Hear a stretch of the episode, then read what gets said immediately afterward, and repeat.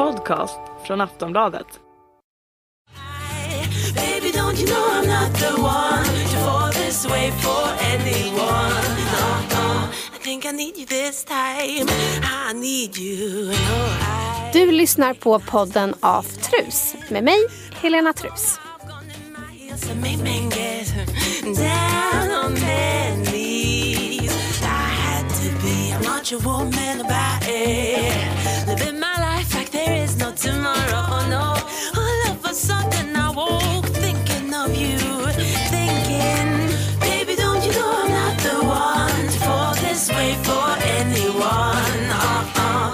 I think I need you this time.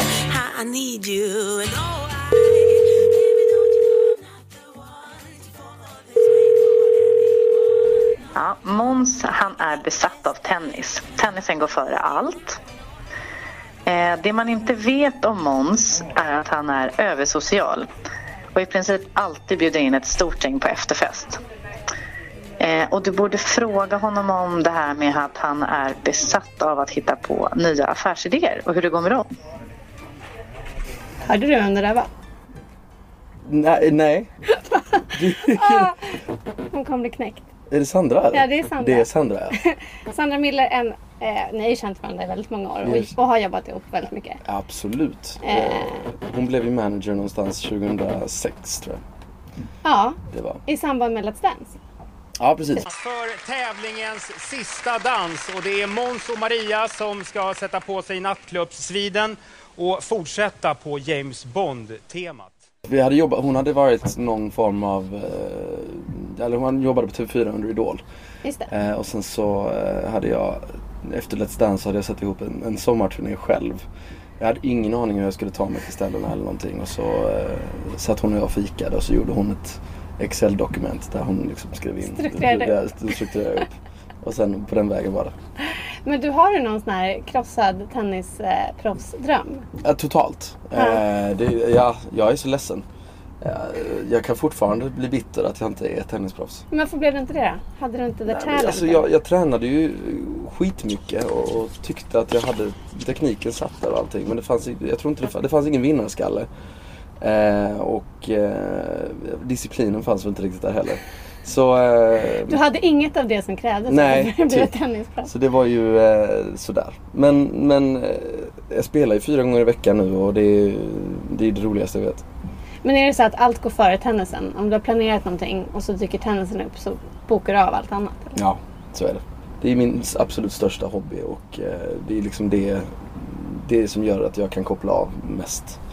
Så därför tror jag att, att få in mina tennistimmar i veckan är viktigt för mig. Ja. Men, men Sandra nämnde också att du, eh, det verkar lite svårt att vara ensam. Du vill ha efterfest. Eh, ja, nej men jag, nej, men jag har inte svårt att vara, jo jag har svårt att vara ensam. Men jag har Jaha, inte, precis. Du får inte... eh, jag har, eh, jag tycker framförallt att det är jäkligt kul att bara ha folk hemma och liksom och styra upp saker för folk. Ehm, så det blir ju alltid, typ i gänget så är det alltid jag som drar ihop festerna och eh, resorna och allt vad det är liksom. Mm. Men så att liksom din lägenhet, det är ofta så här eh, kaos en söndag morgon för att du har haft efterfest. Ja, det är det. Eh, och det är lika tråkigt att städa varenda gång. Men det tänker man ju inte på på lördagskvällen när man bjuder in. Nej, men hur vilt blir det då? Och säg inte nu att det inte blir vilt. Nej men det, det, blir, det kan absolut bli vilt. Mm. Eh, ja, nu har jag skaffat en ölkyl ute på, på terrassen så, som, som, alltid, som jag lovat alltid ska vara fylld. Och eh, sen så har jag, har jag liksom dessutom satt ihop så jag har ett helt eh, bandkit hemma med flygel och gitarrer och bas och, och eh, någon form av cajon. Så, så, Vadå, så så det kan bli live, liveunderhållning också. Men vad säger dina grannar om det här då? Eh, nej men alltså de har, inte, de har varit skitbra. Men Ja. det är även jag då som styr upp eventsen för, för föreningen. Eh, så nu, nu Ja, ja, ordnade jag en gård, gårdsfest häromveckan. Eh, och de var skitnöjda. Så eh, det är nog både på gott och ont att ha mig i, i föreningen. Ja. Men nu var de, de var faktiskt uppe och kla- klagade häromveckan och eh, så då, då fick jag, men då är vi väldigt duktiga på att stänga av. Vad är den vildaste efterfesten då? Ehm, det var nog inte i den här, i den här lägenheten utan det var i min gamla lägenhet. Men då var vi nog 150 pers. Och det var ju det som var problemet att vi hade, det var efterfest efter Romeo och Julia. Ja. Så det var ju hela, hela musikal Stockholm var, var, var där. Eh, och det var ju en söndagkväll vilket inte var helt upp, uppskattat Av grannarna. eh, av grannarna. Eh, framförallt inte klockan eh, halv sju på morgonen när vi stod och skrålade på balkongen. Och vad hände då? Kom polisen? Nej, det, nej det var ju ingen som kom. Men det var ju också, en- det var också en helt sjuk förening. Det var ingen som klagade. Men hur Det enda de klagade på var ju alla fimpar som låg nere på gården eh, dagen efter. Men Okej. det var vi nere och sopade upp. Okej. Men hur stor var lägenheten? Eh, 100 kvadrat. Ja. Så det var, det, var, det var trångt. Mm. Eh, men skitkul.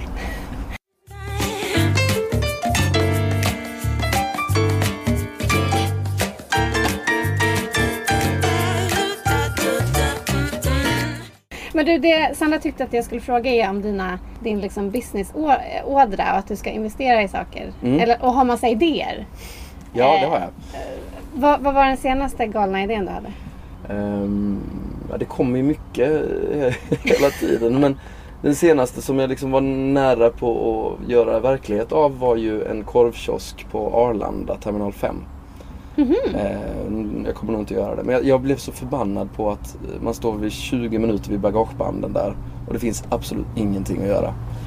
Nej, Ehm, Ingenting att äta det finns ingenting att äta. Och ehm, då tänkte jag att nej men, och Kastrup har ju en, en, en korvkiosk vid bagagebanden som jag tror går bra. Mm. Eh, så, så då tänkte jag att nej, men det kanske är det man ska starta.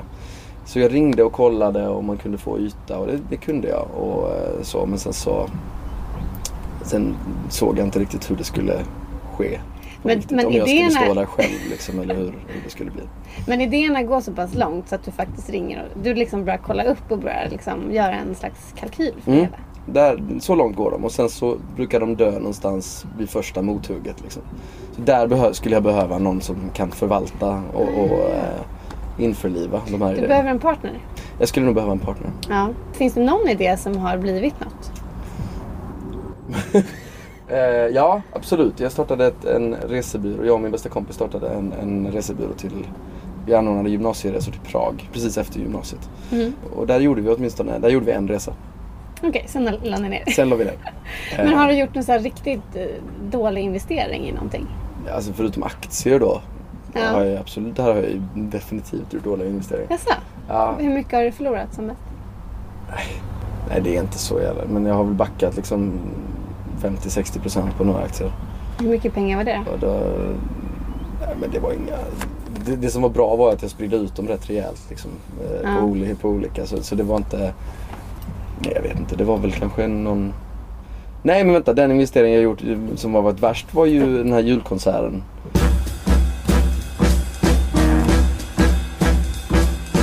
Jag drömmer om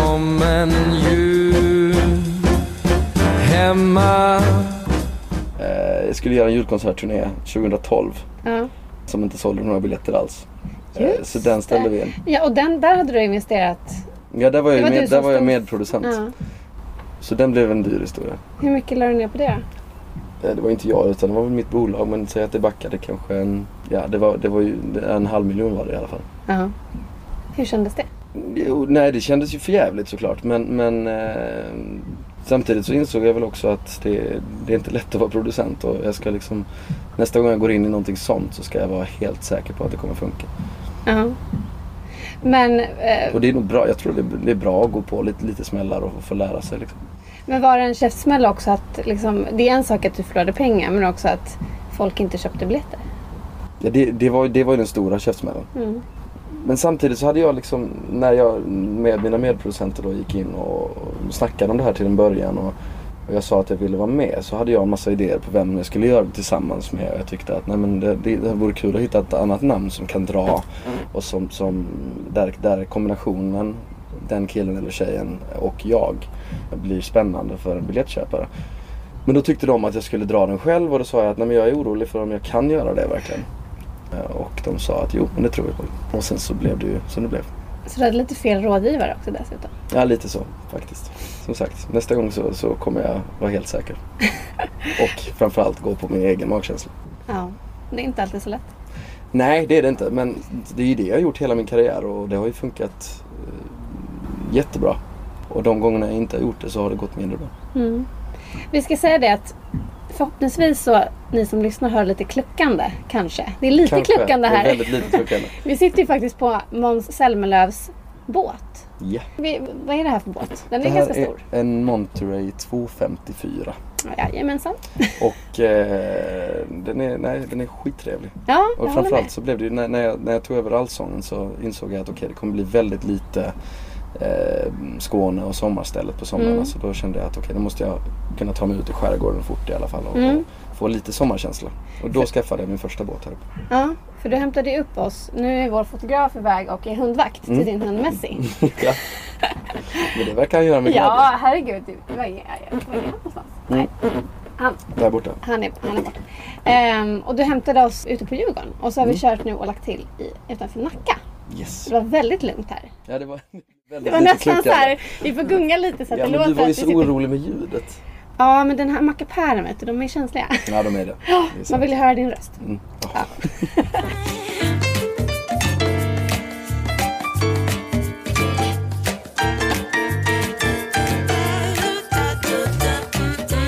Det är lite roligt med dig för att du, när du slog igenom 2005 i Idol så träffades ju du och jag kanske Mm. två gånger i veckan Mm. när jag bevakade Idol. Och då var vi båda jättesmå kan man väl ändå säga. Det får man ju säga. Ja. Och det har ju hänt så himla mycket sedan dess. Ja, det har det gjort. Eh, vilket hade varit väldigt sjukt. kul att följa. Mm. Eh, det är ju samma sak med Agnes som var med samma år som du. eh, Som det också har hänt jättemycket med Mm. under de här åren. Men eh, liksom, vi, vi ska väl beta av lite sådana saker men också prata här och nu. Mm. Just under Idol så var ju du en lite så här, eh, vad ska man säga? Ja, men lite glidare. Absolut. Eh, och det var mycket fest. Jag kommer ihåg att du och Sebastian Karlsson eh, ni festade ganska mycket. Det gjorde vi. Ni hittade Stureplan. Ja men det var ju lite så. Jag kom upp typ, typ första gången till Stockholm där och jag tyckte ju att livet var, livet var en fest. Mm. Eh, och, och jag trodde ju att alltså, Stockholm var Stureplan. Ja. Det var ju den, den enda del jag såg av Stockholm i princip. Det var Spybar och eh, Fatte Darvic som var kä- kändisvakt. Ungefär så. Eh, och, eh, nej, men jag tyckte det var helt fantastiskt. Och, liksom, och så hade dessutom Sebbe med mig liksom, som, som Mm. eh, också tyckte det var lika fantastiskt. Ehm, så vi hängde väldigt mycket där vilket då gjorde att eh, disciplinen och fokus på tävlingen försvann rätt rejält. Vilket också gjorde att jag sjöng dåligt, jag hade gamnacke på scen. Eh, s- nej, så jag är inte helt stolt över, över min medverkan där. Men hänger det där kvar som en sån här eh, liksom lite ont i magen grej eller? Alltså idoltiden? Nej det gör det inte. Eh, jag är skäms skitglad. du? Nej nej nej. Jag är skitglad att jag var med och jag, jag tycker att några av de framträdanden jag gjorde var helt okej. Ja. Eh, bland annat när jag sjöng Flying Without Wings i kvalfinalen med rosa t-shirt. Eh, Mm. Skitful t-shirt verkligen. Men, men jag sjöng bra. Mm. Jag kan, jag kan tycka att det var, det var ett under att jag gick så långt med tanke på eh, den, den dåliga disciplin jag hade. Men det du hade redan då, som jag minns, var ju att alltså, vi möter ju deltagare varje år i Idol och det är väldigt få som vet hur de ska ta media. Mm. Många är introverta, förstår inte riktigt liksom, det här spelet som det ändå är mellan media och sådana här stora tv-program. Mm. Men du fattade ju det ganska snabbt. Ja, Ja men du var... Ja men det gjorde ja, jag nog. Jag men- tror att vi, vi liksom, eller det här ju- just givandet och tagandet Mm. tror jag jag fattade rätt fort. Mm. Och jag insåg att liksom, om jag bara säger att jag hade näsblod i torsdags så, så är det bra liksom. Du menar att du hittade på grejer? nej, nej men jag kanske sträckte på sanningen lite. ja men det var ju härligt. Absolut. För det kan ju också varit en anledning till att du var kvar länge. För att folk lärde känna dig. Alltså man fick en bild av vem du var. Ja kanske. Så kan det säkert vara. Jag, var- jag var säkert mer öppen än många andra där. Ja. Och det har ju följt med mig liksom hela min karriär egentligen. Att jag har varit väldigt öppen och det har ju både varit på gott och ont. Ja, det där är ju... Alltså när man går in i, i liksom en eh, offentlig värld, i kändisvärlden som du har gjort. Mm. Liksom sätter man sig ner och funderar så här, okej, hur, hur ska jag hantera det här nu? För att som du säger, du har ju varit liksom väldigt, eller ganska så öppen Mm. med ditt privatliv. Liksom, hade du bestämt dig för att du skulle vara det? Eller blev det bara så? Eller hur, hur har du resonerat? Nej, det hade jag inte alls bestämt mig för. Men, men jag upptäckte nog det under Idol att eh, det gjorde, alltså jag, jag kunde inte riktigt utmärka mig under Idol. Jag visste inte vad jag ville med min musik, jag visste inte vad jag ville med mitt artisteri. Eh, så insåg jag att okej, men jag får väl liksom bara satsa på att, att dela med mig av mig själv. Eh, och det följde nog med och sen så blev det ju att jag målades upp eh, som någon slags liksom, svärmorsdröm, ganska uddlös. Och jag tror att jag, jag fastnade rätt mycket i den bilden och liksom började leva, försöka leva upp till den bilden i, i media. Och även privat, vilket gjorde att jag nog tappade mig själv lite på vägen också. Hur, hur, hur då menar du? Nej, men att Hur jag, märkte du det? Jag vet inte, att jag bara... Jag kunde inte vara ärlig. Varken med mig själv eller med i media eller någonting. Jag kände att liksom alla intervjuer blev enormt slätstrukna och bara... Mm. Ja, fan. Och det, det har jag väl insett nu på sistone att fan. Eh, det kan ju inte bara vara eh, den medial, eh, mediala bilden av mig som, som har skapat min karriär utan det måste, det måste finnas någon kvalitet där också. Mm. Och då har jag börjat jobba på att förstå det själv och försöka liksom kunna vara ärlig med vem jag är och så. Hur skulle du säga att du har eh, förändrat den bilden då? Nej, Jag vet inte, jag tror inte att jag tror inte att jag har förändrat den så mycket. Jag, jag, är, ju, jag är ju glad, jag är väldigt positiv. Mm. Ehm, men ehm, jag tror att jag, jag har kunnat säga att jag tar en, tar en öl när jag kommer hem efter liksom... Jo, det är lugnt, visst är det stort. Men, det, men en sån grej kunde Ja. jag inte säga då. Nej. Utan då var det liksom så, nej men jag dricker inget. Jag, Nej, jag gör ingenting som överhuvudtaget någon skulle kunna höja på ögonbrynen åt. men hur fast skulle du säga att du var i den så här helylle svärmorsdrömsrollen? Både i karriären och ditt privatliv. Smittar det av sig till och med i relationer? Nej det gjorde det väl nog inte. Jag, jag tror att jag kunde, där kunde jag nog vara mig själv rätt så mycket. Men det var väl också att jag tror som alla tonåringar eller liksom 20-åringar så, så det tar ju ett tag att hitta sig själv och vem, vem man överhuvudtaget är. Liksom. Och jag, jag hade hur många personligheter som helst bara. Som, och vilket också gjorde att jag kunde, som, som Sandra sa här i början, att jag kunde smälta in i alla sammanhang och jag kunde passa i alla sammanhang. Men det var ju bara, jag, jag gick väldigt mycket på vad folk tyckte och vad folk sa. Eh, min klädsel hamnade, hamnade det, det blev ju det att ju, ju f- m- mer uppklädd jag var desto mer cred fick jag för det från folk. Och därför började jag, det gick ju totalt överstyr liksom. Det var ju smoking och fluga på allt i princip Ja. ett tag. Ehm, och det var ju, jag, jag trivdes jättebra i det också men, men det kanske blir lite när man känner att man måste ta på sig flugan för att gå ner till 7-Eleven och köpa mjölk. Så har det gått lite, lite överstyr. Har du mått dåligt av det här? Hur har det påverkat? Nej, alltså jag tror att jag, jag analyserar inte allt för mycket i min vardag. Vilket Nej. nog är tur. Okej. Utan Om tar hade dagen lite som det analyserat kommer. Ja, om jag hade gjort det så hade jag säkert mått, mått mycket sämre. Men, men jag har väl tagit dagen lite som den kommer. Och, eh, så just av det här har jag nog inte mått, mått speciellt dåligt. Nej. Alltså sen klev ju du in i Allsång på Skansen. Och det kanske inte direkt gjorde din helylle-image mindre. Den spädde ju snarare på det här. Men det var flugan, det var liksom det här leendet. Eh, kunde du känna, alltså hur, hur upplevde du det? Förstärkte det den rollen tror du? Ja, det är klart det gjorde. Jag blev ju ultra helylle där. Men, men samtidigt så var ju också det en del av mig. Jag trivdes ju med, med, med det. Jag trivdes att, att klä upp mig och, och liksom vara glad och check. Och allsången, I allsången fick jag vara precis så glad som jag ville. Mm. Kunde, du Eh. vara, dig- liksom, kunde du vara dig själv där? Ja, där kunde jag vara mig själv. Utan tvekan. Framförallt så kände jag väl för nästan första gången att jag verkligen behärskade någonting. Kanske inte fullt ut men, men nära inpå i alla fall. Att jag, jag, kände, jag kände mig trygg i den rollen. Men sen så är det klart att det, det var inte... Eh, jag blev ju inte bad boy för att jag var med i Allsången direkt. Utan jag... Eh, det var liksom när jag skaffade skägg andra säsongen så det, blev det ju ramaskri. Liksom. Ja, ja. Och det var... men då, då, då, var, då kände jag mig ändå lite rebellisk.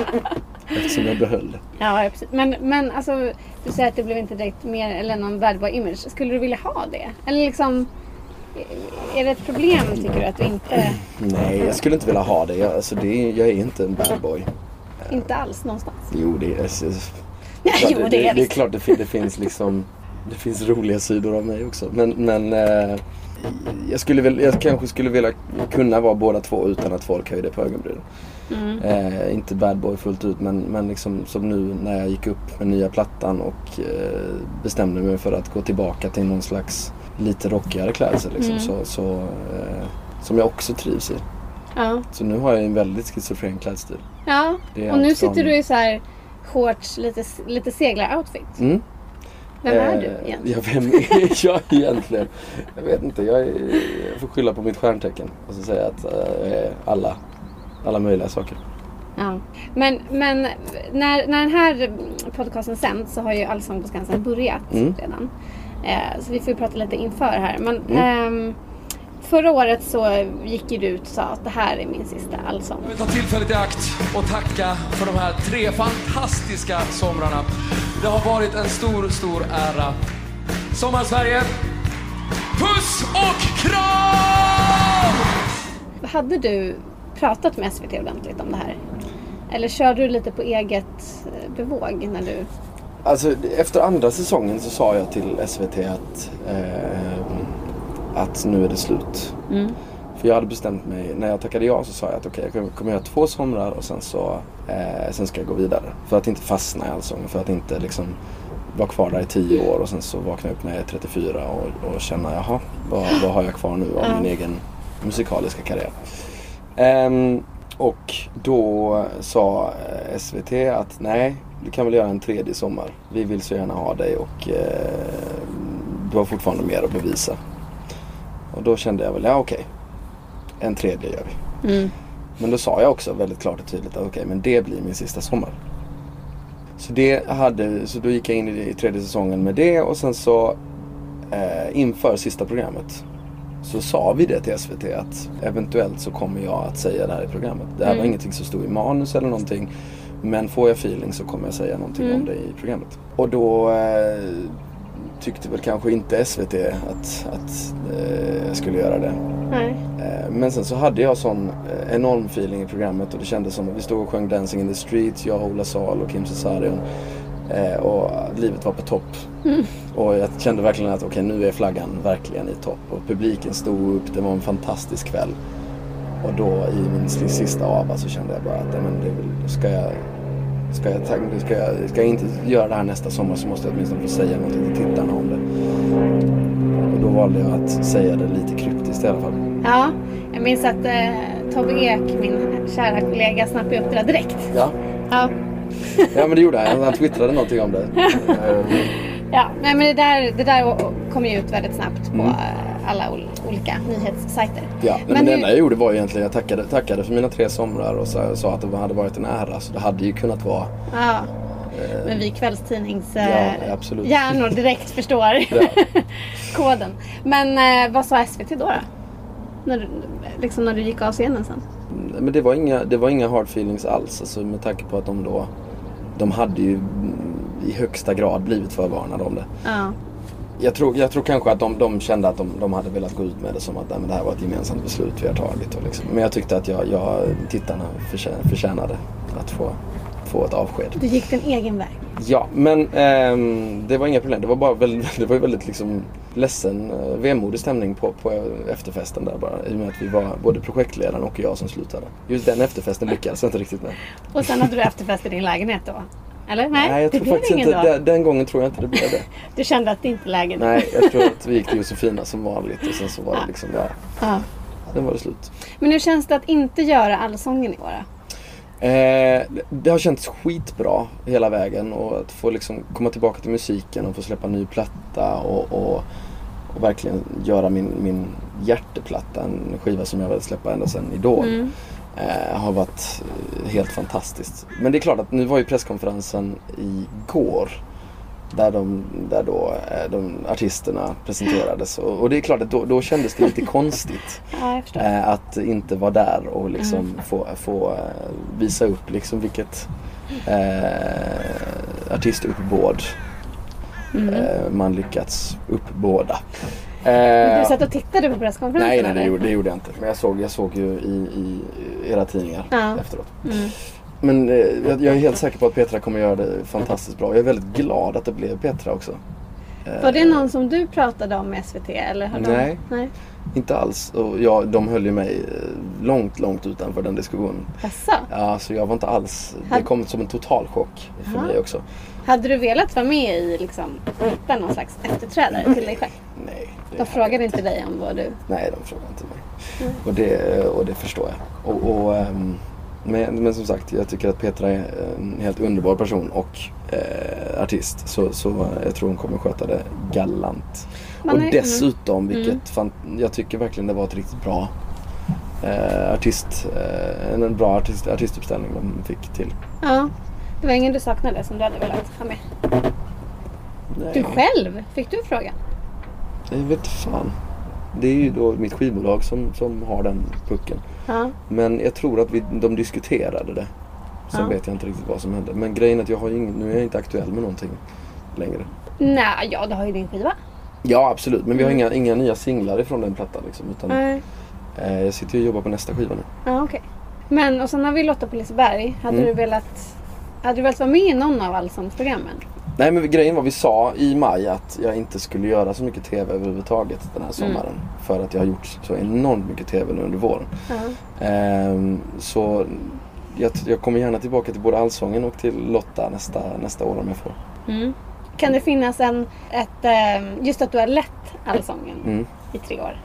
Kan det ligga liksom dig i fatet när de ska göra en artistlista tror du? Att Mm. de tycker att det blir konstigt? Eh, nej, det vet jag inte. Alltså, jag kommer ihåg mitt första år så var det väldigt mycket snack om att ja, men ska vi ta in Anders och Lasse och, liksom, och så. Och då kommer jag ihåg att jag var väldigt tveksam till det. För att då ville jag visa att men nu är jag programledare här. Liksom. Jag vill inte att folk ska börja tänka att jaha, var Anders eller Lasse bättre? Eller Ja, vad, så. Och jag kan tänka mig att Petra känner precis samma sak. Så, så jag förstår helt och hållet att, att jag inte står på deras artistlista nu. Ja. Men, men hade det varit kul att vara med i, i premiären och bara på något sätt lämna över eller vad man ska säga? Jag, nej, jag tror det hade blivit jättekrystat. Så jag är, jag är glad att det inte blev någonting sånt utan att det blir... blir nu, jag har gjort, eh, gjort mitt som programledare där och eh, inga överlämningar. Finns det någonting du tycker att de borde göra om eller göra bättre i Allsången nu?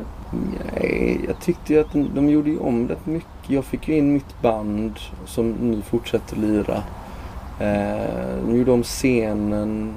Det hände väldigt mycket under mina tre år. Som gjorde att när, när tredje säsongen var över så var jag väldigt, väldigt nöjd med hur det såg ut. Och liksom Petra har ju fått dit James Blunt nu. Det skulle vara liksom, eh, tror min största var väl, min största internationella var väl, ska jag säga, Passenger och Ja. Johnny Logan fick jag hit också. Stort. Eh, det var ju liksom, det var ju någonting jag hade gått ut och lovat rätt tidigt att det här ska jag fokusera på. Det ska bli internationella artister. ja, men det verkar ju svårt. Ja, det är ju pissesvårt Varför, alltså. är, det peng, är det pengarna som... Är det där det liksom Ja, men jag tror att, nej det är väl snarare att Sverige, Sverige ja dels pengarna. Att, men sen är Sverige så enormt litet land så att säga till en, en eh, Beyoncé att Mm. du behöver komma, komma till Allsången och promota din nya platta för att sälja, sälja guld, 20 000 ex. Ja, det, det är svårt. Ja, precis. Och det är klart, visst, alltså artisterna får väl ingenting för att uppträda? Nej, de får ju en, en Symbol. ytterst symbolisk summa. Ja, precis. Mm, det är lite trixigt det där då. Eh, men alltså jag tyckte ändå att vi fick till tre riktigt bra år och jag, jag är helt säker på att Petra med de här artisterna också kommer få till ett grymt år. Bra. Ja. Du kan inte säga så mycket annat. Nej men, jag, nej men jag tror verkligen det. Ja. Jag, jag blev eh, impad när jag såg artistlistan. Mm. Men hon har ju inte programlett förut. Och du har ju också varit i det läget att liksom, folk känner dig som artist och så ska du börja programleda. Ja. Eh, och man vet ju inte riktigt hur det faller ut. Liksom. Nej. Tror du att, att Petra kommer få det liksom tufft? Alltså det, jag menar, allsången, det dissekeras och det recenseras. Och, kan hon få det tufft liksom i, på så Ja. sätt? ja alltså det är klart att media eh, uppbådet är, är ju rätt sjukt. Är liksom. Ja. I och med att det finns absolut ingenting annat att skriva om under sommaren. Så det blir allsången och Lotta på Liseberg och den fighten som inte finns. så är man ovan vid det så är det klart att det, det är någonting nytt. Men, men ni är så snälla oftast ju. Så, så, så det... Var du verkligen ärlig nu? eh, oftast så. Mm.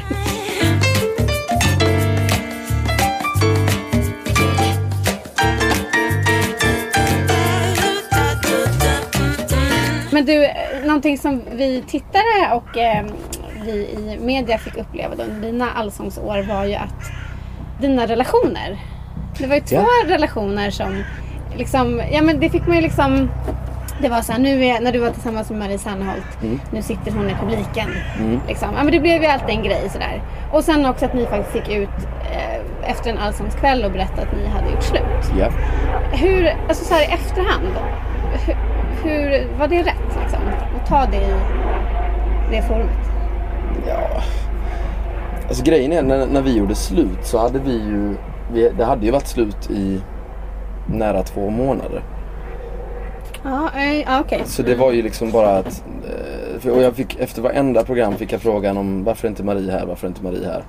Och då hade vi kommit så pass långt i, vårt, liksom, i vår läkande process också att då kände vi att nej, men då kan vi lika gärna gå ut och säga det här nu. Vi säger tre, tre meningar om, om det liksom var och sen så eh, sen lägger vi locket på. Så då gjorde vi det och då, och då bestämde vi tillsammans att nej, okej, nästa gång någon av oss får frågan så, så eh, outar vi det. Och då kom väl frågan där på efter en allsångskväll och då, då sa jag att nej, vi har gjort slut. Det var ett gemensamt beslut och vi är fortfarande polare, vilket vi var. Ehm, Stämde den formuleringen? Mm. För det låter ju som en väldigt standard Ja, formulering. var det är en ett gemensamt beslut, vi är vänner. Ja, eh, det, var, det var en standardformulering eh, som eh, stämde rätt så bra. Och, eh, Ganska bra. ganska bra. Och sen så, så har vi några meningar om det. Men sen så blev det ju eh, helt sjukt. Det fick så sjukt stora proportioner. Och där blev jag ju lite, för där var det ju journalister och fotografer som kom upp i trappuppgången utanför eh, vår bostad och jag, jag blev ju liksom lite smått paranoid och bara vi- vi ville inte gå in på 7-Eleven för jag var rädd för det, vad som skulle stå på löpen nästa dag. Liksom. Så på de tre meningarna så byggdes det ju artiklar i minst en vecka varje dag. Liksom. Och det, det, det var rätt jobbigt. Men- så med, med mm. facit i hand så kanske det hade varit bättre att ta det efter allsången när, när allting hade lugnat ner sig. För jag, jag minns... Och jag kommer eh, ihåg att mm. ni gjorde något, ni gjorde något sånt bildspel på webben också. era som var så, eller? ja, ja, det, som var så, det var en dödsruna kändes det som. Eh, Ja. Ja. Men det var väldigt fint. Ja men det, alltså ni var ju ett väldigt offentligt par. Ja det var vi. Eh, liksom, när ni gick ut och sa att ni var tillsammans, kommer jag ihåg. Vi tog ju bilder där vid Café Opera. Mm. Det var kväll, jag tror det var vinter. Det var lite så här månsken liksom. Mm. Nej, men sen har man ju, man har ju sett, såg ju er mycket i. Ja. Och vi var ju väldigt det publika med Ja. vårt privatliv också. Vilket både, jag tror att både Marie och jag har försökt bättra oss på så här efterhand. Ja. För att, Att inte vara så. ja, för det är klart man bjuder ju in till, till mer. Ja. Alltså, folk, man flyttar gränsen liksom hela tiden. Verkligen. Och där var vi väl- jag tror att vi satte upp rätt tydliga liksom, gränser i början av vårt förhållande. Men sen så tänjde vi mer och mer på dem. Ja. Och till slut så var ju typ allt outat liksom. Mm. Vad jag lagade när jag kom hem efter jobbet. Ja, det, det var en, eh, det enda vi inte gjorde var väl ett hemma hos-reportage. Liksom. ja, istället hade du efterfester. Ja, Som många som hade- såg ditt hem ändå. Ja, det, absolut. Men det är helt okej. det är någon sak. Men alltså jag kommer ihåg när eh, liksom de intervjuerna gjordes då. När, när du ändå sa att ja det är slut. För du var ju väldigt så här, lugn och sansad. Och så tänkte i alla fall jag hela tiden så här, men gud man vet ju själv när en relation tar slut. Man mår ju skit. Mm. Och du såg ju väldigt, men som sagt du var så lugn. Men alltså hur mådde du egentligen när du stod där? Ja, men just när jag stod och sa det så mådde jag nog rätt okej med tanke på att Marie och jag var så bra polare som vi var och hade liksom rätt ut allting. Mm.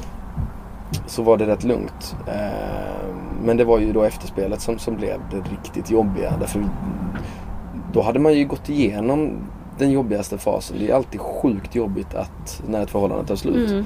Eh, och man mår piss och man, man ifrågasätter är det här rätt eller fel. Och då gör man ju det ett tag. Och sen så nu två veckor senare var vi tvungna, eller två månader senare var vi tvungna att gå igenom det igen. Mm. Så det, Ja. eh, vilket kanske inte var helt, det var inte så jäkla kul. ja, så att det blev för dig att du fick älta igen. Gud var det här verkligen rätt? Ja. Vi kanske skulle försöka igen. Alltså lite sådär eller? Mm. Ja men det blev ju så. Ja. Att vi fick båda, fick båda älta eh, samma skit igen och alla de här smsen som kommer som kom från den närmsta kretsen. Liksom, Mm. den, den första liksom, månaden när vi hade gjort slut på riktigt Mm. och sen så nu kom ju liksom sms från en lite den kretsen lite utanför det liksom. Minst ja, som skulle säga saker då. Åh vad tråkigt och sådär. Och vad har hänt? Och, Mm. ja. vad var, men vad var det som hände då? Varför tog det slut? För att vi, vi växte ifrån varandra och eh, jag vet inte. Det, det, väl liksom, det, det, det tog slut på ett väldigt lugnt sätt. Vi bara kände att nej, men det är bättre att vi är polare. Mm. Kärleken tog slut alltså, Mm. kan man säga. Jag tror det. Alltså kärle- den vänskapliga kärleken fanns kvar men vad ska man säga? Spänningen var väl, fanns inte där längre. Nej. Men ni, ni umgås idag, eller hur? Absolut. Mm. Eller det, blir, det, är liksom, det är inte jättemycket men vi smsar och, och så. Mm. Och nu har vi träffat en ny kille. Ja. dessutom. Visste du det? Nej. Eller fick du veta det genom Ja, jag hade hört det eh, ryktesvägen. Men eh, skitkul. Jag har inte träffat honom än. Nej. Men det måste jag fråga. Nu, jag tycker vi betar av hela den här relationsgrejen, sen så går vi vidare på nästa. Men alltså, som sagt, ni lever offentliga liv. Mm. Och så det tar slut och så ni båda går vidare. Och så får man läsa liksom en dag, ah, nu har Marie träffat en annan. Alltså känns inte det någonstans i kroppen? För jag menar, Nej. Nej, alltså jag, nej, jag, är, jag är ledsen. Jag, kan, eh, jag kanske är liksom emotionellt förstoppad. Men jag, nej. Jag, jag var, blev bara glad för hennes skull. Mm. Eh, och jag hade hört, hört som sagt från andra att hon, att hon var väldigt glad för, för det här. Så jag, när det kom ut att de verkligen var ett par. Jag hade bara hört att de dejtade en, en kille och att det kändes eh, skitbra. Ehm, och sen så när det kom ut att de faktiskt var ett par så blev jag faktiskt bara glad. Mm. Tråkigt va? nu sitter vi båda med solglasögon på Ja. så jag ser inte egentligen hur är, vad du har för blick här. Men du, ett annat... Eh, eh, sen så hade du en ny, ny relation efter Marie eh, Ja. med Astra. Och hon har ett ut, eh, efternamn som jag inte ens vågar försöka uttala. Osmancevic. Mm, du snubblade också nästan lite Nej, det gjorde jag väl inte. Jag har ju fan eh, plugg, pluggat bosniska hemma. Jaså, du lärde dig lite eller? Ja, lite lärde jag mig. Ja. Jag kan, jag kan liksom, jag har ett sånt eh, anteckningsark med typ Just det, vänta, vänta, jag ska bara 120, kolla. 120 olika uttryck och Ja. liksom räkneorden och så. Just det, för hon föddes i, i Bosnien Yes. och flydde hit va? Med sin Yes. familj. Mm.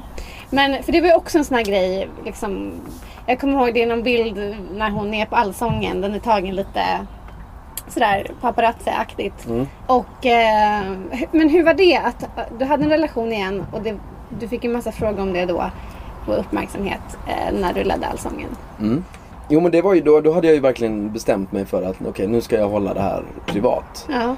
Eh, för att inte ska inte hamna i samma, samma eh, hjulspår som, som förra Mm.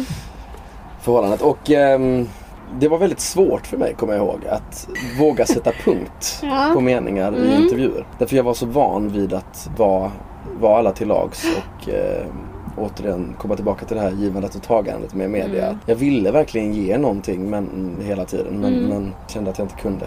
Mm. Eller ville. Eller jo, ville ville jag ju. Men, men kunde. Ja. Eller skulle. ja. Och, För ni hade eh, kommit överens om det? vi hade kommit överens Att- om det. Så på det viset var det, var det ju svårt. Men samtidigt var det väldigt skönt att kunna komma hem, stänga ytterdörren och vara helt privat. Mm. Blev det skillnad tycker du i förhållandet när det inte var lika publikt? Ja, det blev det. På vilket sätt? Det blev mycket mindre fokus på vad som hände i branschen och vad som... Men det var ju också därför att hon inte var i branschen Nej. såklart. Eh, Men jag tyckte det var svinskönt att Mm. inte behöva hela tiden umgås med folk i branschen utan eh, fokusera på, på liksom ens gamla och, och, och riktiga vänner. Mm. Mm. Och så. Men eh, ni är inte tillsammans längre? Nej, Varför, varför tog det slut? Det är du. Eh, det, det, det, eh, det är inte preskriberat än. Så det, det, eh, Marie-grejen kan jag ju prata om nu. Ja. Men eh, nej, nu sätter jag stopp. Du sätter ner foten här och dricker Mm. lite cola. Mm. Men, men alltså det där lät väldigt kryptiskt. Det, alltså, Nej men Det är alltså grejen är, det är precis samma sak som, som i, i, i, tidigare när, när förhållandet tagit slut. Att, ehm, vi är fortfarande skitbra polare. Vi har, Mm. vi har Messi ihop. Eh, var senast och röntgade honom ihop igår. mm, Det var inget fel på honom för övrigt. Eh, Nej. om du blir orolig. Nu är du 100 så du, du skiter väl i det. Men Nej, jag har ändå ett litet hjärta för djur. vad fint. Ehm, nej, så vi, vi är svinbra på polare. Men Mm. eh, det är slut och eh, så kan det vara. Mm. Jag tror inte ni kommer bli tillsammans igen. Det vet man aldrig. Eh, det får framtiden utvisa. En sista fråga om det här bara. För att just när det är så här, liksom uttalanden. Det behöver inte bara vara med relationer. Det kan ju vara med andra saker i media. Men just det här, eh, det var ett gemensamt beslut. Vi är fortfarande vänner. Eller det kan vara om en programledare lämnar en kanal. Det var ett gemensamt beslut men nu var det dags för mig att gå vidare. Alltså det är väldigt sån här standard. Mm. Men i det här fallet så var det väldigt tydligt att det var hennes beslut. Det var ju du som eh, sa det till och med. Mm. Eh, att det var hennes beslut och ja, det var så det var. Eh, hur kommer det sig att du ändå där liksom gav du ändå inte det här standardsvaret? Hur kommer det sig? Det kan du fundera på. Nej, jag, jag säger ingenting mer om detta. Jag är ledsen. Ja. Eh, som sagt, vissa, vissa grejer får, vill, jag hålla, kun, vill jag hålla privat. Jag ser ändå att det här är lite jobbigt. Ja, men alltså det här är ju rätt, rätt nytt fortfarande. Ja, men jag menar att du inte kan att du inte säger mer. Ja, att jag inte säger mer. Det, det, Du får liksom spänna dig lite. Ja, det får jag absolut göra. Ja. Men du har väl inte varit singel så mycket va? Nej, det har jag inte. Hur ser du på det? Jo men jag ser eh, det. är ju det, det, är ju det här. Alltså jag, jag, jag tycker det är fantastiskt att komma hem till, till någon liksom, och, och ha en vardag. Men samtidigt så är jag ju då sällskapssjuka. Och det, det, kan, det kan ju ha med min sällskapssjuka att göra. Den försöker jag jobba på liksom. Ja, på riktigt. Eh. Alltså så att du känner att jag måste bli, kunna vara Mm. Själv? Jag, men jag har ju liksom aldrig tidigare varit singel med hund. Och det märker jag, det är bra. Ja. Det är en helt annan grej. För då, då, han ligger ju i sängen bredvid liksom och så. ja. Så man vaknar ändå av att han lägger huvudet i, i, i, vid nyckelbenet här och liksom när han vill gå ut. Mm. Mm. Nej, skedar, skedar vet du fan. Det tycker han är för varmt. Inte du. Nej, inte jag. Jag tycker det gärna. är kanon. Men, eh, men hur, hur liksom, känner du så att du måste aktivt jobba med att kunna vara själv? Ja, det måste jag. Mm. det. Och det har jag behövt jobba med hela, hela livet egentligen. Mm. Att, eh, jag tycker det är förbannat trevligt att ha folk omkring mig. Och det behöver inte vara att man snackar hela tiden. För jag är inte, privat är jag inte så übersocial liksom. Men det är Mm. bara det att, att känna att jag har, har Någon någon, där. där. Men är, får, vad händer när du själv då? Får du, mår du dåligt eller börjar du tänka på konstiga saker? Eller vad är liksom... Ja, ja, ja men det är väl det, det kanske. Att då börjar jag analysera helt plötsligt. Ja. Vilket jag inte gör annars. Och eh, Och du vill inte det? eh, vänta lite nu ska vi se här. Nu blir det hundfight här. Whoops! Ja, vi ser här hur vår fotograf Jimmy springer efter... Jimmy har dessutom tagit av sig lite kläder här. han är Vad sjukt biffig. Han vill visa sina muskler. Ja, vill du göra det? Ja, ehm, han fixade det där. Eh, ja, nej men jag, jag analyserar inte så mycket i, i, i min vanliga vardag. Och det är Nej. kanske just det som jag är livrädd för ska liksom hända. ja, om du öppnar den dörren, vad kommer komma ut? Mm, precis. Då kommer ju de här liksom, jaha, vem är jag? Vad gör jag? Ja, Eh, vart ska jag? men kan inte det vara bra då? Att Jo, tänka på det? absolut. Det kan det säkert vara. Det är därför jag säger att jag ska försöka jobba på det. Jag ska försöka våga vara mer ensam. Men vad, vad, vad är du mest orolig för ska eh, komma ut om du öppnar den dörren?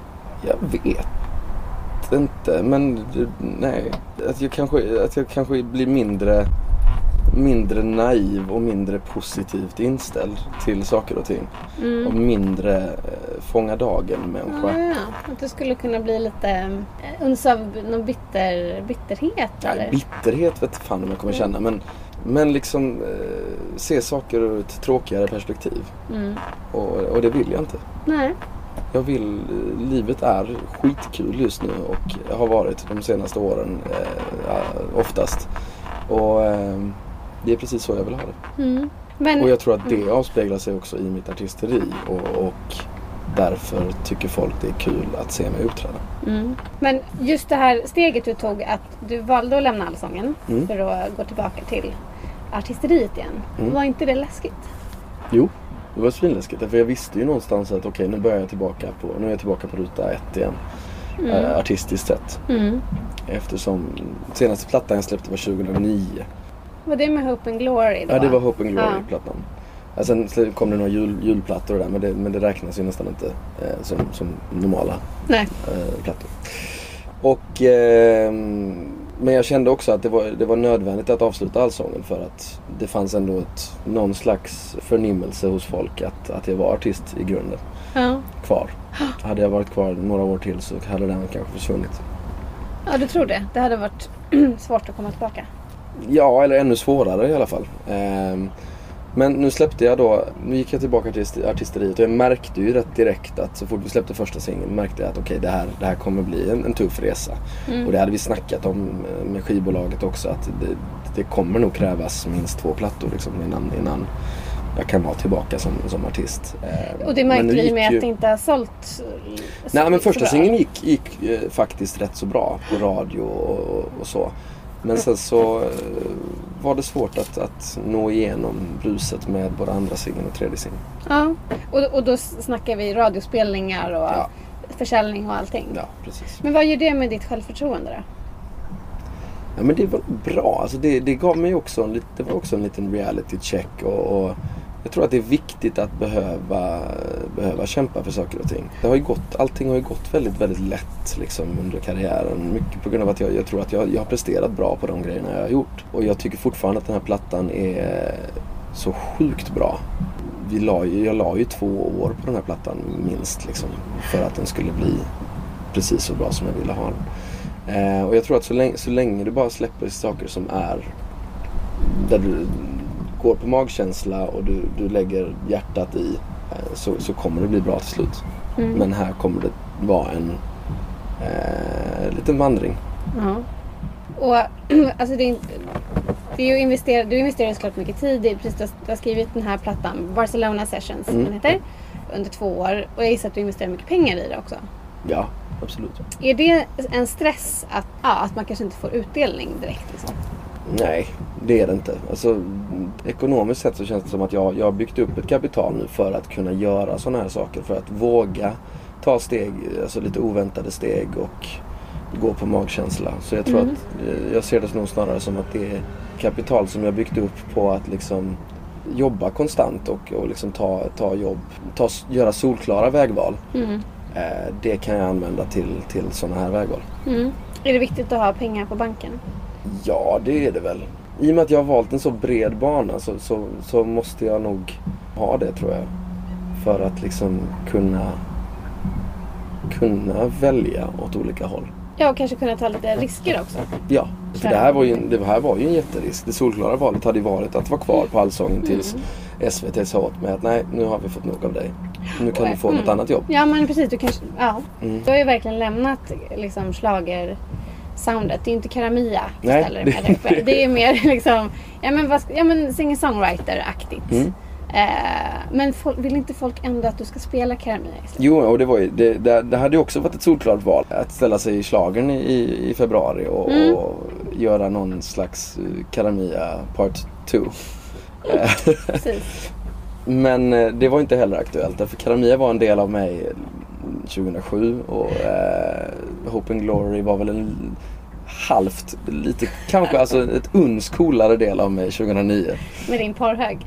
Ja, med min porrhög. Du hade ju liksom de hetaste kvinnliga dansarna i Melodifestivalens historia. Som kallades i snygga. pressen för porrhögen. Porrhög. Ja, Och eh, så jag tror att den här musiken är då jag 2014. ja. Ehm, därmed inte sagt att Melodifestivalen är eh, off limits men jag tänker att ska jag ställa upp där igen så kommer det inte vara med en ultraslager utan då blir det någonting åt det här hållet. Men finns det inte en risk i det för att folk tänker att Alltså man ser ju på andra artister som tävlar med Melodifestivalen många gånger och kommer tillbaka och sen, ja men ta Linda Bengtzing som ett exempel. Hon har kört liksom sina hyper liksom, eh, låtar eh, glada, det är liksom ja, men lite så här knasigt knäppt på svenska. Och eh, så kör hon liksom en helt annat stuk kan man ändå säga. Lite mörkare liksom i år och det funkar ju inte. Var det lite mörkare i år? Ja, Mm, Okej, lite. lite mörkare. lite mörkare. Nej men liksom det var, och det sa hon ju själv så att det här är en ny stil liksom. Mm. Och man vet ju aldrig hur det slår för publiken kan ju faktiskt förvänta sig någonting annat. Ja. Och vilja ha det liksom. Nej, det vet man ju inte. Men eh, jag tror att det är sjukt viktigt med förnyelse precis som i vilket, för vilket varumärke som helst och vilket eh, företag som helst. Så, Mm. så, så jag, tror, jag tror att det, det är väldigt nyttigt och att just som vi pratade om, risker måste tas. Mm. Eh, därför att jag tror det är helt omöjligt att gå. Jag hade inte kunnat köra en Karamia vid eh, 27 års ålder, 28 års ålder och, och liksom och stå för det fullt ut. Ja, nej. Den var kanon då. Liksom. Men, Den men, är kanon ja, fortfarande. den är, ja, absolut. Men, men, men eh, jag tror det, det hade bara känts, känts gubbigt om jag ställde mig och gjorde det framträdandet i, nu. Liksom. Ja, du är ju så gammal. Jag är ju så gammal. Inombords. Va? Nej, det är jag absolut inte. Du har inte ens fyllt 30. Jag, nej, jag blir bara yngre och yngre. Jag har märkt att vid 25 så vände jag tillbaka. Ja, men det där, ja. Så nu, nu tar jag tillbaka de här liksom, mina gubbaår. När jag mellan det. 20 till, Mm. Åh. 20 till 25. Så du ska alltså, nu är det party, det är brudar. Alltså fr- framförallt så ska jag liksom försöka, försöka lära mig att leva ensam. Mm. Eh, och, och försöka lära känna mig själv. Och eh, ha kul i livet. Ja. Kanske, alltså jag har jobbat jag har jobbat så sjukt mycket under de här åren Mm. eh, och, och haft projekt på projekt på projekt hela tiden. Eh, och, och varvat det med liksom mycket sido eh, entreprenörskap. Mm, dina galna idéer. Mina galna idéer. Och nu skulle jag faktiskt vilja liksom våga ta ett halvår off eller någonting sånt. Jag funderar på att åka ner och volontära i Sydafrika i, i början av nästa år och göra något vettigt med mitt liv. Ja. Det låter i och för sig väldigt moget och vuxet. Ja, jo men det är det väl. Men, men det kanske är... Det är jag har väl också lite med det här som jag missade liksom när, alla polarna åkte iväg och backpackade. Ja, eh, i tidig 20-årsålder. Mm. Det missade jag. Så nu kanske volontära blir min, min form av backpacking. Du får packa grejerna i en ryggsäck Ja, och så får du känna att nu är du lite så här skitig. Och... Ja. Vi har fått in lite läsarfrågor Ja. som är en, en viktig punkt här. Och ehm, en tjej som heter Lina har mejlat in. Mm. Hur stor roll spelar ålder på flickvän för dig? Och så har hon skrivit slash eh, från en 19-åring. Kanske lite ledande fråga här. Absolut. Eh, nej, jag tror inte det spelar eh, allt för stor roll. För mig handlar det väldigt mycket om var du är i, i livet och hur... Eh, drivenhet är ju någonting som jag går igång väldigt mycket på. Mm. Eh, om det ens ett, är ett ord, men driv. Eh, och, eh, Skapa ett nytt ord. Ja, precis. Mm. Och ehm, humor, självdistans, lekfullhet. Mm. Och sen kvittar det nog om det är en, en, en 20-åring eller en 40-åring. Liksom. Mm. Kommer hon bli glad. Mm. Fast hon är 19 så ja, Ja just det, ah, om ett år. om ett år. Men eh, tycker du att du själv har eh, självdistans? Ja, det tycker jag. Jag tror att det har jag levt väldigt mycket på i min karriär. Att kunna skämta om mig själv och inte och ha lite distans till, till min karriär och till mitt artisteri. Kanske ibland eh, att det till och med har gått i överdrift så att jag börjat ifrågasätta min egen talang själv. Okej. För att jag skämtar mest om den. Ja. Det där är väl en sån här försvarsmekanism. Ja, jag tror det. Man kan alltid gömma sig bakom. Mm. Men du, vi ska leka en liten lek. Ja, Okej, spännande. Ja, du gillar ju lekfullhet. Mm. Nej men så här. Eh, nu, nu visar jag lite självdistans här. Mm. Nämligen. Det finns ju några ord som är så typiska kvällstidningsord. Mm. Som vi försöker, vi försöker faktiskt komma bort lite från dem. Men de slinker in ganska ofta ändå. Det är så chock och det är panik och det är Mm. kollaps. Så, att du ska få dra några sådana ord. Så ska vi prata lite kring dem. Och nu skulle jag ju haft någon så här cool hatt eller något. Men det har jag inte. Så du får liksom, du får bara dra en liten lapp här. Mm, den där då. Och då ska jag läsa upp antar du ska läsa upp. Hemligt vapen. Ja, eh, vad skulle du säga är ditt hemliga vapen? Mitt hemliga vapen, ja. Det är nog att jag kan prata med en publik. Där har ju Allsången gett mig skitmycket. Mm. Att när jag nu är ute på turné så kan jag eh, fylla mellansnacket med någonting. Ja. Och ehm, har till och med liksom hittat en komisk timing så jag kan få folk att skratta. ja. Och det är oerhört skönt för det kommer jag ihåg i början av karriären var ett, ett, ett helvete. Ja, och du har ju snackat mycket om, alltså innan du slog igenom i Idol, att du var väldigt, väldigt blyg när du var yngre. Ja, det var jag ju och det, men det är jag väl fortfarande stundtals. Eller jag blyg är kanske en överdrift. Men jag är, som, det är som jag sa, jag är inte jättesocial privat. Nej. Men jag kan sätta på en, en, en, eh, en, ett mingelansikte. Hur ser det ut? då, det, är, det är det jag har nu. Ja, just det. Han ser Eh, väldigt glad ut. Ja. ja, Du får dra en, eh, en ny. Mm. Krismöte. Alltså så många krismöten som det är i nöjesbranschen. Jag vet inte hur SVT TV4 egentligen eh, kan bedriva en verksamhet som Nej. krismöten de har haft. När hade du ett krismöte senast? Ja men det var, ja. Måste det vara karriärsmässigt eller kan det vara privat? Nej, det kan vara, det får gärna vara privat. Ja, det, jag kan tänka mig det. Nej, men det var nog liksom ett litet sånt. Eh, morsan har ju alltid varit en, en eh, fantastisk stöttepelare för mig. Ja. Eh, eller båda två, både pappa och mamma. Men, men mamma har ju varit den analytiska och den eh, existentiella frågor eh, stöttepelaren. Och nu hade jag för två veckor sedan så var jag nere och, och satt i trädgården med mamma i flera timmar och, och pratade eh, sånt. ja. Och det får man väl se lite som ett krismöte liksom. Och då hon tyckte att det fanns saker du borde ta tag i? Nej, men vi pratade Eller? om sådana grejer som jag hade kommit fram till att det här borde jag ta tag i. Det här borde det? jag... Ja men det var sånt som jag pratade med mamma om. Men inte, inte med dig. Eh, men men eh, det är väldigt skönt att kunna vara väldigt, väldigt ärlig med henne. Liksom, och, Ja. och, och få väldigt raka och ärliga svar tillbaka. Vi tar den sista här. Kollaps! Ja, det är väldigt många också ehm, som har kollapsat Mm. i eh, nöjesvärlden genom åren. Eh, när kollapsade du senast? Ja, kan det ha varit? Alltså hela, hela 2012 var ju en, en, en utdragen kollaps för mig. Det var då jag var nere i Barcelona och, och, och- och skrev skiva. Jag tror inte jag mådde speciellt bra. Nej, men om vi, alltså, den, min enda riktiga kollaps var ju efter Karamia eh, mot hösten 2007. Då jag var enormt nära på att gå in i väggen. För då tyckte jag absolut ingenting var roligt längre. Jag ville bara ligga i sängen och, och tycka synd om mig själv. Liksom. Ehm, för då hade jag gjort sommarturné som var alldeles för, för stor och lång och sen så hade jag gjort Ladies Night och eh, MQ-reklam och programledarskap och allt möjligt. Och så skulle jag in i Footloose och, och göra den. Och, och ehm, då, var jag, då ville jag bara inte, då ville jag typ inte vakna utan jag ville bara eh, sova. Men Ehm, du ville leva? Ja det ville jag Ja, absolut men göra. du- Det, nej det var, inga, Det det var var- inga, inga självmordstankar alls. Nej. Eh, det har jag aldrig Men haft. du mådde väldigt dåligt? Jag mådde väldigt dåligt. Ehm, men och sen så är det klart att, att alla, alla, alla uppbrott man har haft i livet det blir ju kollapser också. Såklart. Eh, det är klart att man inte mår, mår bra av det. De kräver ju mycket analyserande också. Och det, är då, det är uppenbarligen då jag mår sämst när jag Mm. Ja, analyserar. ja, men om du analyserar dig själv så här i en relation, vad skulle du säga att du behöver bli bättre på? Jag behöver nog bli bättre på att uppskatta vad jag har generellt i livet. Att du tar personer för, för givet så att säga, eller?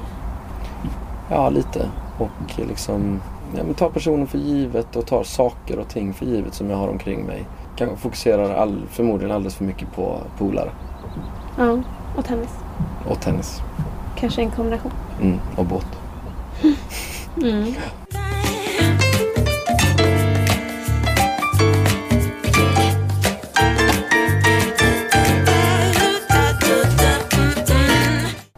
Du, vi måste ändå snacka om en, om en grej som Mm. blev en sån himla... Du nämnde det själv här när vi klev på båten. Det blev en sån jäkla eh, storm i våras Mm. när du var med i Plura kök. Ja. Och eh, du sa att det är inte lika naturligt att män vill ligga med varandra. Och det här var ju en konversation i det här programmet som handlade om homosexualitet. Jag tror att mannen föds med en, drag, en automatisk dragningskraft till honan. Men kvinnan då? Vadå? Och kvinnan lika så. Men så, så måste det väl vara någonstans? Ja, men alltså, Så du menar att homosexualitet är en avvikelse då? Jag Ja, ja, det menar jag. Jag menar inte att det är något fel överhuvudtaget. Men jag tror, jag tror att det naturliga är ju att det är man och kvinna som gör barn ihop. De här uttalandena fick ju folk att gå i taket. Framförallt Alexander Bard. Ja, Alexander Bard var ju... Jag, jag faktiskt... Han var drivande i det. Så här, jag, jag faktiskt, han borde gå i terapi för att bli av med sin homofobi. Han sprider homofobi på ett väldigt obehagligt sätt, skrev Alexander, eller sa Alexander Bard. Eh, berätta. Nej, men jag visste ju att det här skulle komma. Eftersom Ja. jag hade försökt, efter vi kom hem från Sic- Sicilien så hade jag insett att okej, det här kom fram enormt fel. Mm. Ehm, Du kände det under liksom hela det var inspelningsresan eller? Ja, ja, alltså direkt efter den middagen så, Ja. så började vi prata om om hon kunde klippa bort det liksom. Mm. Men då, eh, och då var det väldigt vaga svar och sen så kom vi hem och så, sa jag, så bad jag Helen och även jag ringde och, och liksom Din presse. Yes. Eh, bad att ringa, eller, eller ringde till produktionsbolaget och bara, ja men snälla kan ni klippa bort det där för det där kommer ut totalt fel. Och det kommer bli ramaskri och vi lever ju i ett väldigt politiskt korrekt land. Så, ehm, men det, det vägrar de då uppenbarligen göra. Så jag, det, har, bara, har ju bara varit en enda lång väntan. Så på sätt och vis var det en lättnad när det väl kom ut. Eh, samtidigt som det ju, det var ju för jävligt. Ja. Det är ju det första drev jag varit med om på det viset. och eh, jag borde naturligtvis ha använt eh, uttrycket mindre vanligt som, som, som Mir- Miriam gjorde. Och alltså, jag tror att 99,9% av svensk Sveriges befolkning vet att jag inte är homofob. Men det är klart att Alexander Bard vill göra sin röst hörd. Och ehm, jag, ledde ju, jag ledde ju Gaygalan bara en, en månad innan det här kom Precis. ut. Liksom. Så ja, det blåste ju över väldigt fort och det tror jag bero, bero, berodde på att folk vet var jag står och att jag, jag hyllar olikheter och, och mm, alltså de, de, flesta av mina, de flesta av mina polare är, är ju homosexuella. Liksom, Så det är inte... Men, men kom- minns du när du satt på den middagen? För att det, var, det var ju ändå en diskussion och eh, du gav dig ändå in i, i eh, en, en diskussion om det och med de här orden. Alltså minns du vad du tänkte när du sa det? Nej det minns jag inte. Alltså, dels så hade ju då Plura 83 försökt supa mig full i, i, i 48 timmar. Ja. Eh, och grejen är att efter 48 timmar med kameror på dig hela tiden så, så, så, glö- så tänker du bort dem till slut. Mm. Så jag satt ju vid det här matbordet och då tänkte jag att, men, att vi skulle ha en diskussion. Mm. Och då tänkte jag att men då måste jag ju liksom bidra till den här diskussionen. Mm. Och jag vet inte fan om liksom vad, vad vi försökte få fram med den diskussionen för alla var på samma sida nämligen. Ja. Du ville vara den där som på något sätt ifrågasätter det självklara. Alltså, Ja men, li- ja men lite så. Eh, och det kom ut jätte, jättefel. Men det är liksom, jag tycker väl att det är lite, trå- lite tråkigt samtidigt att vi lever i ett, ett så politiskt korrekt land att, att det kan bli en så enorm sak som det blev. Ehm, ja, skitsamma. Det var, det var jätte, jättedumt sagt och eh, jag ångrade det rejält och det här drevet var, var för jävligt. Jag mådde skit av det. Eh, men jag tror att som sagt att alla, alla, alla förstod vad jag menade och förstod att jag inte menade någonting ont alls. Finns det stunder där du- du kan känna så här att just idag vill jag inte vara Måns Zelmerlöw, alltså den offentliga personen? Oh ja, det finns, det finns många sådana stunder. Här kände jag absolut, här ville jag ju bara krypa under eh, någonting. och gömma mig. Eh, men det finns väl det finns andra situationer också i vardagen också som där jag liksom eh, kan känna att det hade varit skönt att vara lite mer privat. Men där blev väl också Barcelona en, en lite av en fristad liksom att, att få komma bort lite från det och, och så. Du, vi kan avsluta med en läsarfråga som Ja. faktiskt, hon skrev massa frågor. Tia Maria. Mm. Kolla, hon hade liksom en hel frågebatteri. Eh, då hon frågade, vad är meningen med livet? Meningen med livet är att känna sig behövd, att få andra att känna sig behövda och att sprida kärlek. Mm. Det tror jag. De där tre hade du tänkt på. Nej, Kom du på det nu? just att känna sig behövd har jag tänkt på lite. Att det är Ja. ett sånt grundläggande behov vi alla har tror jag. Ja, det är klart. Mm. Men du, tusen tack för att du har tagit dig tid och för att du körde ut oss till det är lite så industriområde vi hamnar i. Men Ja, verkligen. jag inte ska alls- titta runt till den här mysigt. vackra platsen. Men det är ganska, ganska fint. Ja, ganska. Fruken vatten. Och som sagt, eh, ja, nu ligger då eh, Måns hund Messi och eh, vår fotograf eh, och väntar på oss här på bryggan. Ska vi ropa hit honom kanske? Messi! Inte Jimmy spanjiska. Nej, faktiskt. entusiastiskt då. Han bara äntligen! Åh, nu är det glädje. Vilket återförenande. Du har lyssnat på podden Aftrus med mig, Helena Trus. Och ni lyssnare är ju såklart superviktiga. Hör av er med frågor, kommentarer, antingen på Twitter eller Instagram. Där heter jag @aftrus. Ni får också gärna mejla mig på helena.trus.aftonbladet.se. Den som klipper podcastavsnitten är Andreas Hansson. Men vill ni skylla något på någon så är ansvarig utgivare Jan Helin. Ett extra stort tack till Antonia Vai som har skrivit vignettlåten Macho Woman. Hej då! Nobody but you know what we'll do. Nobody but you. And nobody but you.